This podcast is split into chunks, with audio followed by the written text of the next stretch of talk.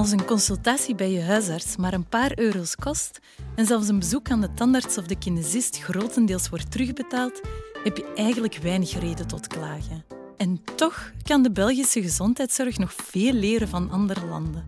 Misschien zelfs van landen die je niet meteen verwacht. Dat is openen met een cliffhanger. Zeer welkom, sociologe Caroline Masquilier. Dag Tom. En je geeft het al een klein beetje weg in de titel van deze podcast. Het land waar wij wel iets van zouden kunnen opsteken. Ik ben ook razend benieuwd. Wat kan België leren van de Zuid-Afrikaanse gezondheidszorg? Dit is de Universiteit van Vlaanderen.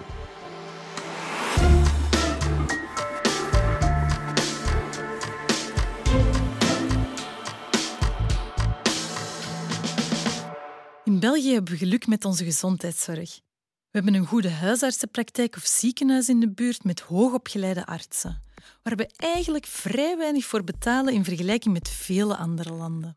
En toch kom ik hier vandaag vertellen dat dat verhaal misschien toch niet zo rooskleurig is. Dat de gezondheidszorg in België niet iedereen even goed bereikt en dat die eigenlijk toch niet zo toegankelijk is voor veel mensen. Vooral niet voor mensen die leven in maatschappelijk kwetsbare omstandigheden, zoals we dat noemen.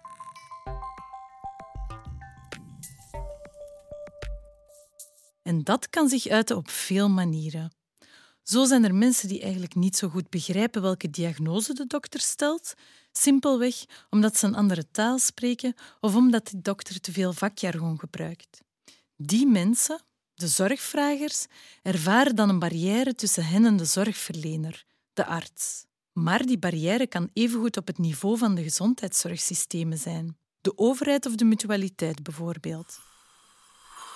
Misschien heb jij toch ook moeite gehad om een huisarts of een tandarts in de buurt te vinden. Misschien vind jij die hele administratie van die doktersbriefjes en gele stickers ook complex en onduidelijk.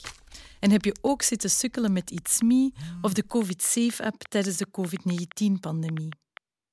Voor sommige mensen zijn dit ook echt barrières om de nodige zorg te krijgen.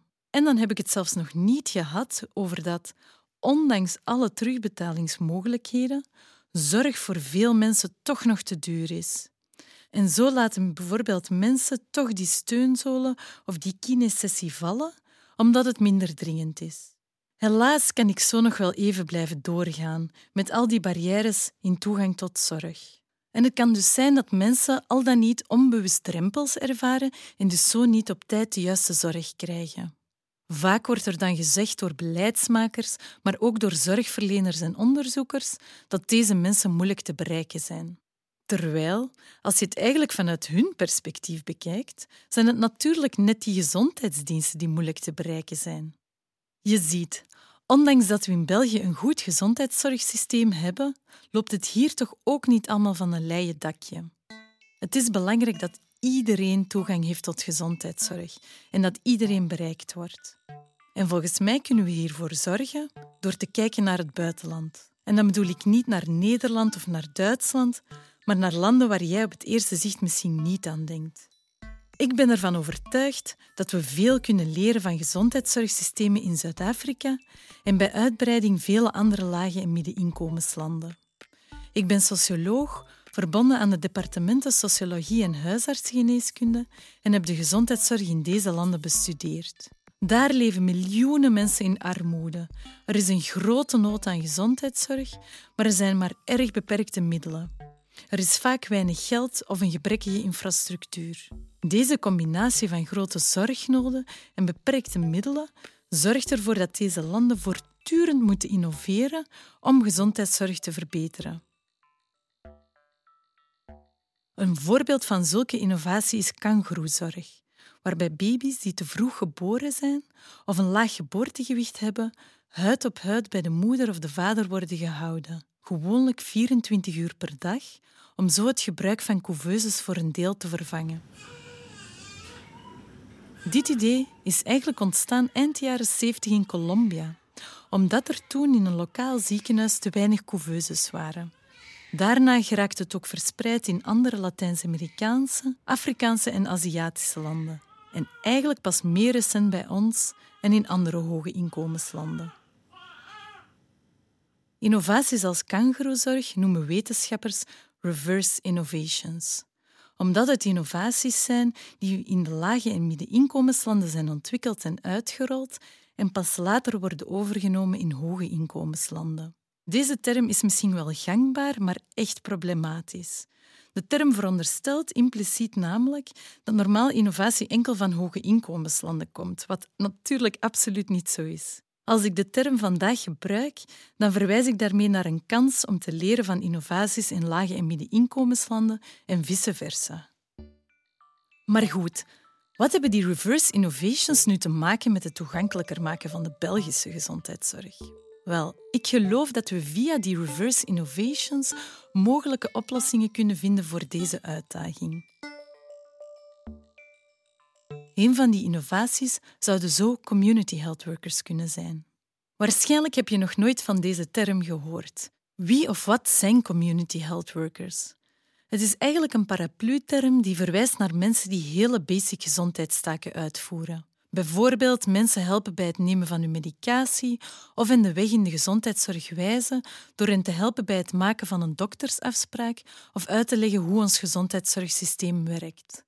De specifieke taken die ze uitvoeren verschillen van land tot land, maar wat ze allemaal gemeenschappelijk hebben, is dat ze een gedeelde levenservaring hebben met de mensen die ze helpen.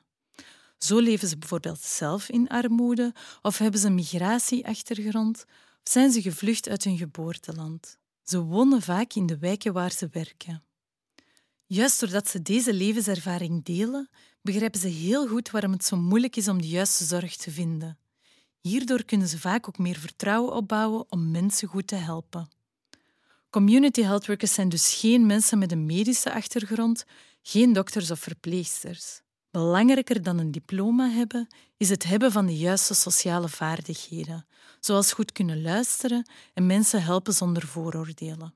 Vandaag zijn er meer dan 8,4 miljoen community health workers actief in lage en middeninkomenslanden. Ze gaan naar de mensen toe en brengen zo de zorg dichterbij en naar de patiënt, zijn gezin en de gemeenschap. Zo vormen ze eigenlijk als het ware een brug tussen het gezondheidssysteem en die gemeenschap.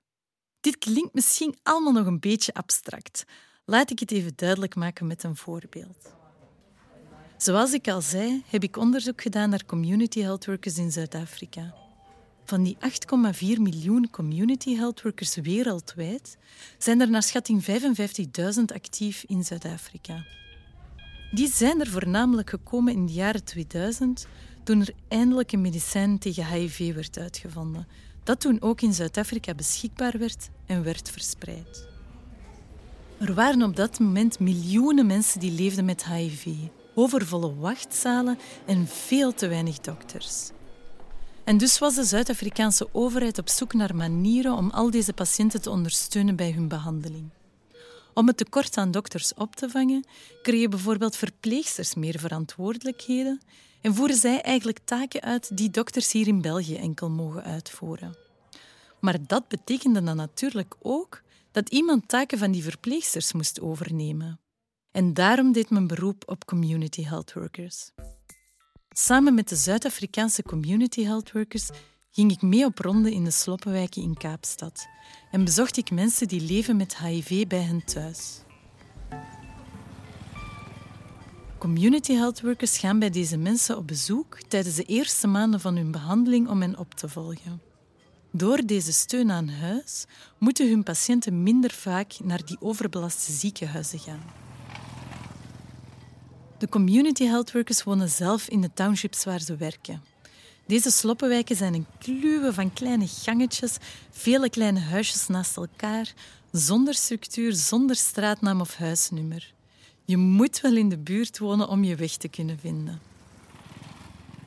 Maar daarnaast is het ook heel waardevol dat ze dicht bij de leefwereld staan van de mensen die ze helpen, om te begrijpen tegen welke drempels zij aanlopen in hun toegang tot zorg. Ik leerde hoe moeilijk het is om als community health te werken in een gemeenschap waar HIV nog steeds erg gestigmatiseerd is. In deze context van taboe en stigma moeten de community health workers heel creatief aan de slag gaan om ervoor te zorgen dat ze onopgemerkt hun werk kunnen doen en zo iemands positieve status niet ongewild delen. Zo dragen ze bijvoorbeeld geen uniform of doen ze zich voor als een verkoper van Tupperware. Maar de patiënten die hun positieve status niet durven delen, gaan het bezoek van de community health workers soms vermijden, uit angst dat het hun positieve status kenbaar zou maken. Zo bereiken de community health workers dus niet altijd degenen die hun steun het meest nodig hebben. Wat kunnen wij nu in België leren van die community health workers? Ons gezondheidssysteem is inderdaad helemaal anders. Maar toch ben ik ervan overtuigd dat community health workers in België ook ons kunnen helpen bij het verbeteren van de toegang tot gezondheidszorg. Voor mensen die leven in maatschappelijk kwetsbare omstandigheden. Andere hoge inkomenslanden gingen ons al voor, bijvoorbeeld de Verenigde Staten, Canada en Australië. En eigenlijk is het ook hier, bij ons, al heel even toegepast. De vaccinatie die gaat eh, goed vooruit en Vlaanderen is de beste leerling van de klas. Meer dan 80% van de volwassen bevolking is hier al gevaccineerd. In Wallonië is dat minder, zo'n 10% maar vooral Brussel hinkt achterop. In onze hoofdstad, maar ook in andere grootsteden blijft het dus duidelijk moeilijker om mensen te overtuigen. Even terug naar begin 2021, de volle COVID-19-epidemie. Ondanks de zware impact en de negatieve gevolgen van deze gezondheidscrisis voor ons leven, stimuleerde de epidemie ook innovatie. In tien Belgische steden werden in kwetsbare wijken 50 community health workers aangeworven. Dat waren mensen die zelf een gedeelde levenservaring hebben met de mensen die ze helpen. Dus bijvoorbeeld zelf in armoede leven of op de vlucht zijn geweest van hun geboorteland. Net als in Zuid-Afrika gaan ze naar de mensen toe. Ze gaan naar lokale organisaties, zoals de voedselbanken of een weggeefwinkel, of spreken mensen aan op pleinen. Ze gaan van deur tot deur. Zo maken ze de drempel veel lager om hulp te krijgen. De Belgische community health workers spreken mensen aan om te kijken of ze hen kunnen helpen in hun toegang tot gezondheidszorg. Dit project startte op vraag van minister van Volksgezondheid Frank van den Broeke. Die gaf de opdracht aan het RISEF en de mutualiteiten om het vorm te geven. In dit project heb ik een adviserende rol. De lessen die ik leerde tijdens mijn onderzoek in Zuid-Afrika konden we meteen gebruiken om dit project vorm te geven. En daarnaast vormde het werk van deze Belgische community health workers dan ook meteen een interessant onderzoeksonderwerp. Samen met mijn collega Theo hebben we dit onderzocht. Wat hebben we daar nu van geleerd? De Belgische community health workers bereiken een heel verscheiden groep aan mensen. Onder andere mensen die leven in armoede, geen papieren hebben, beperkt onderwijs hebben genoten of een migratieachtergrond hebben. Deze kwetsbaarheden zijn met elkaar verweven en kunnen elkaar versterken. De zorgnoden die deze mensen hadden waren ook erg divers. Ze botsten op vele verschillende drempels om de nodige zorg hiervoor te vinden, zoals ik aan het begin ook zei. Bijvoorbeeld geen internet hebben om een afspraak te maken of een gebrek aan vertrouwen in onze gezondheidszorg. We leerden dat de community health workers een luisterend oor bieden.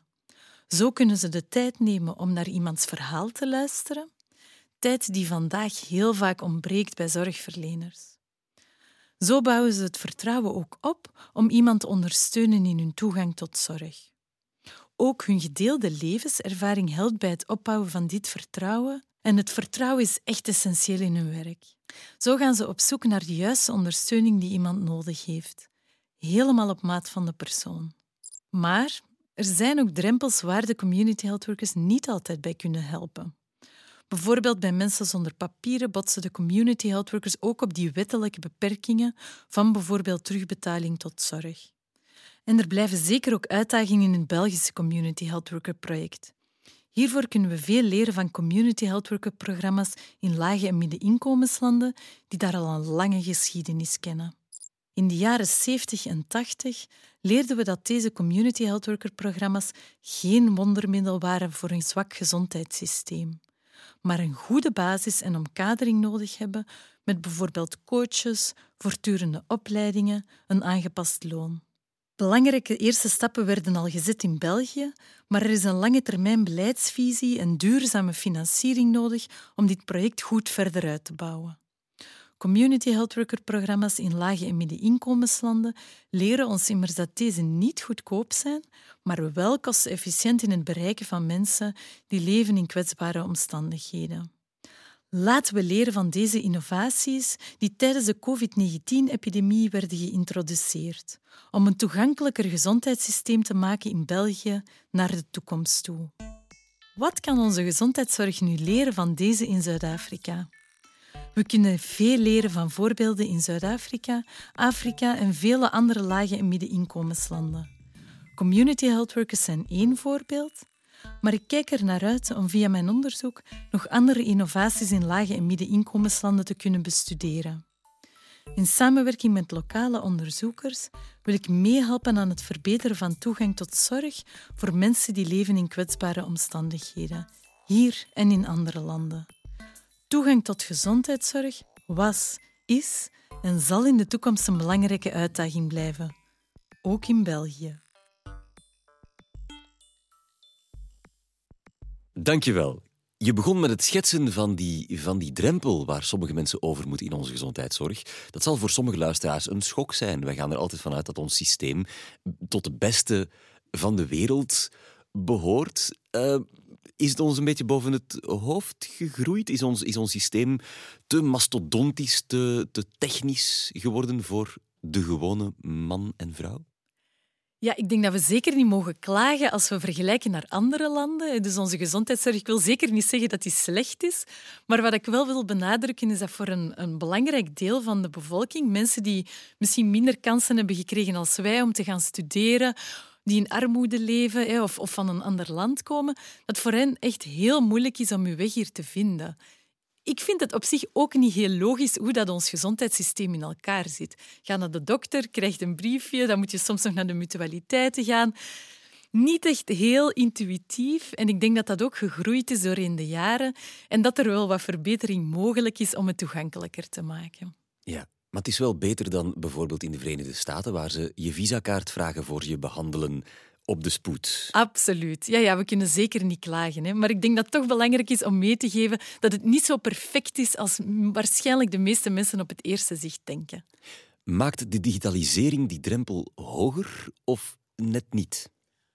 Ik denk dat die drempel hoger maakt en dat de COVID-19-epidemie daar zeker niet bij geholpen heeft. Veel meer consultaties werden dan gedaan via, via telehealth of met de apps. En er waren allerhande innovaties die voor de meeste mensen denk ik wel een verbetering zijn, maar voor heel wat mensen die geen toegang hebben tot de computer, niet weten hoe dat ze met het internet overweg moeten gaan, is dat echt een heel groot probleem.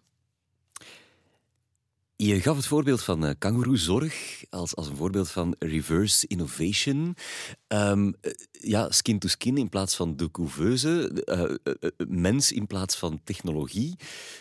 Is dat ook een beetje een learning? Dat we misschien af en toe back to basics moeten? Dat het misschien niet moeilijk moet zijn? Ik denk de nagel op de kop. Ik denk absoluut dat het echt zo belangrijk is om terug dat menselijke nog meer in de zorg te brengen. We hebben superhoogtechnologische zorg, wat ook heel belangrijk is natuurlijk. Het zou zonde zijn om niet te leren van de vooruitgang van de wetenschap en nieuwe kankerbehandelingen te gebruiken die er zijn. Maar ik denk dat het ook belangrijk is om terug te gaan naar tijd nemen voor mensen. Tijd nemen om hen uit te leggen waar ze misschien voor staan. En inderdaad terug meer back to basics en dat menselijke terugbrengen in onze zorg.